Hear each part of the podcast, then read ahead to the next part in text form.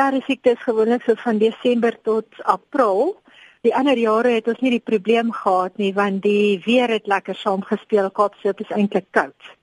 Maar ons het 'n vreeslike warm jaar sover gehad en dan die muggies wat die perdesiekte veroorsaak het nou lekker aangebroei. Vertel ons meer oor hierdie wilde perde. Hoeveel van hulle is daar? Ons het in 2014 'n uh, sensus gedoen. Toe was daar so 200 waarvan 80% hengste was wat ook 'n wanbalans is. So hierdie perdesiekte wat nou tref, sover het ons 11 verloor waarvan ek weet en dit is ook maar die natuurlike manier om dan die balans weer reg te kry. Omdat die dorp vir toeriste aantreklikheid is, is daar heeltyd toeriste wat my skakel en sê hier's 'n perd wat siek is en daar's 'n perd wat sleg lyk. So dis nie lekker vir die mense om dit te sien nie, maar dit is ook nodig vir hulle om te sien dat hulle kan sien daar is eintlik agter die prentjie ook ietsie wat gebeur. Jy weet ons ons as 'n perd siekte kry in die dorp en ons moet die karkas verwyder, moet jy hom uitsleep voor mense.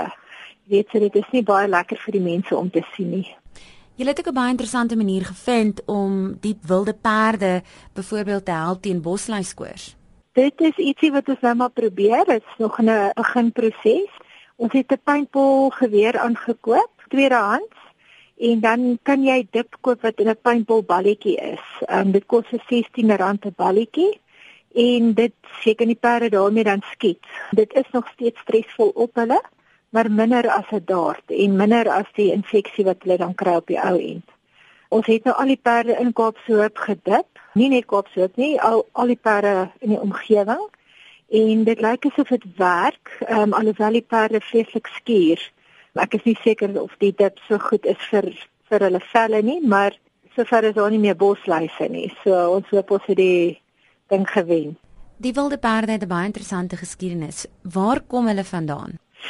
Weet jy, ehm um, daar is 'n boek oor hulle geskryf oor Hans Bormann, hy's 'n geskiedkundige wat vreeslik navorsing doen oor sy boeke en hy het hulle uit die Tweede Boereoorlog uit teruggedateer en vreeslik baie detail oor watter perde van waar af kom. So hulle is al oud, hulle is deel van die dorp se geskiedenis. Wat moet gedoen word om hierdie geskiedenis soos jy dit stel te bewaar? Weet jy ek wil vreeslik graag vra as jy as enigiemand rondry en hulle sien iemand 'n perd voer uit 'n kar uit. Dit is een van ons grootste kopsere. As hulle net vir daai persone sal sê asseblief moenie jy weet nie wat jy doen nie. Die plastiek 'n perd se maag kan nie plastiek hanteer nie, dit maak hom dood. Dit is een van die goedjies en dan kan hulle ons net op Facebook koop se hulle perde se blad gaan ondersteun, dan kan hulle sien wat ons doen en dan self inspring en help op hulle manier.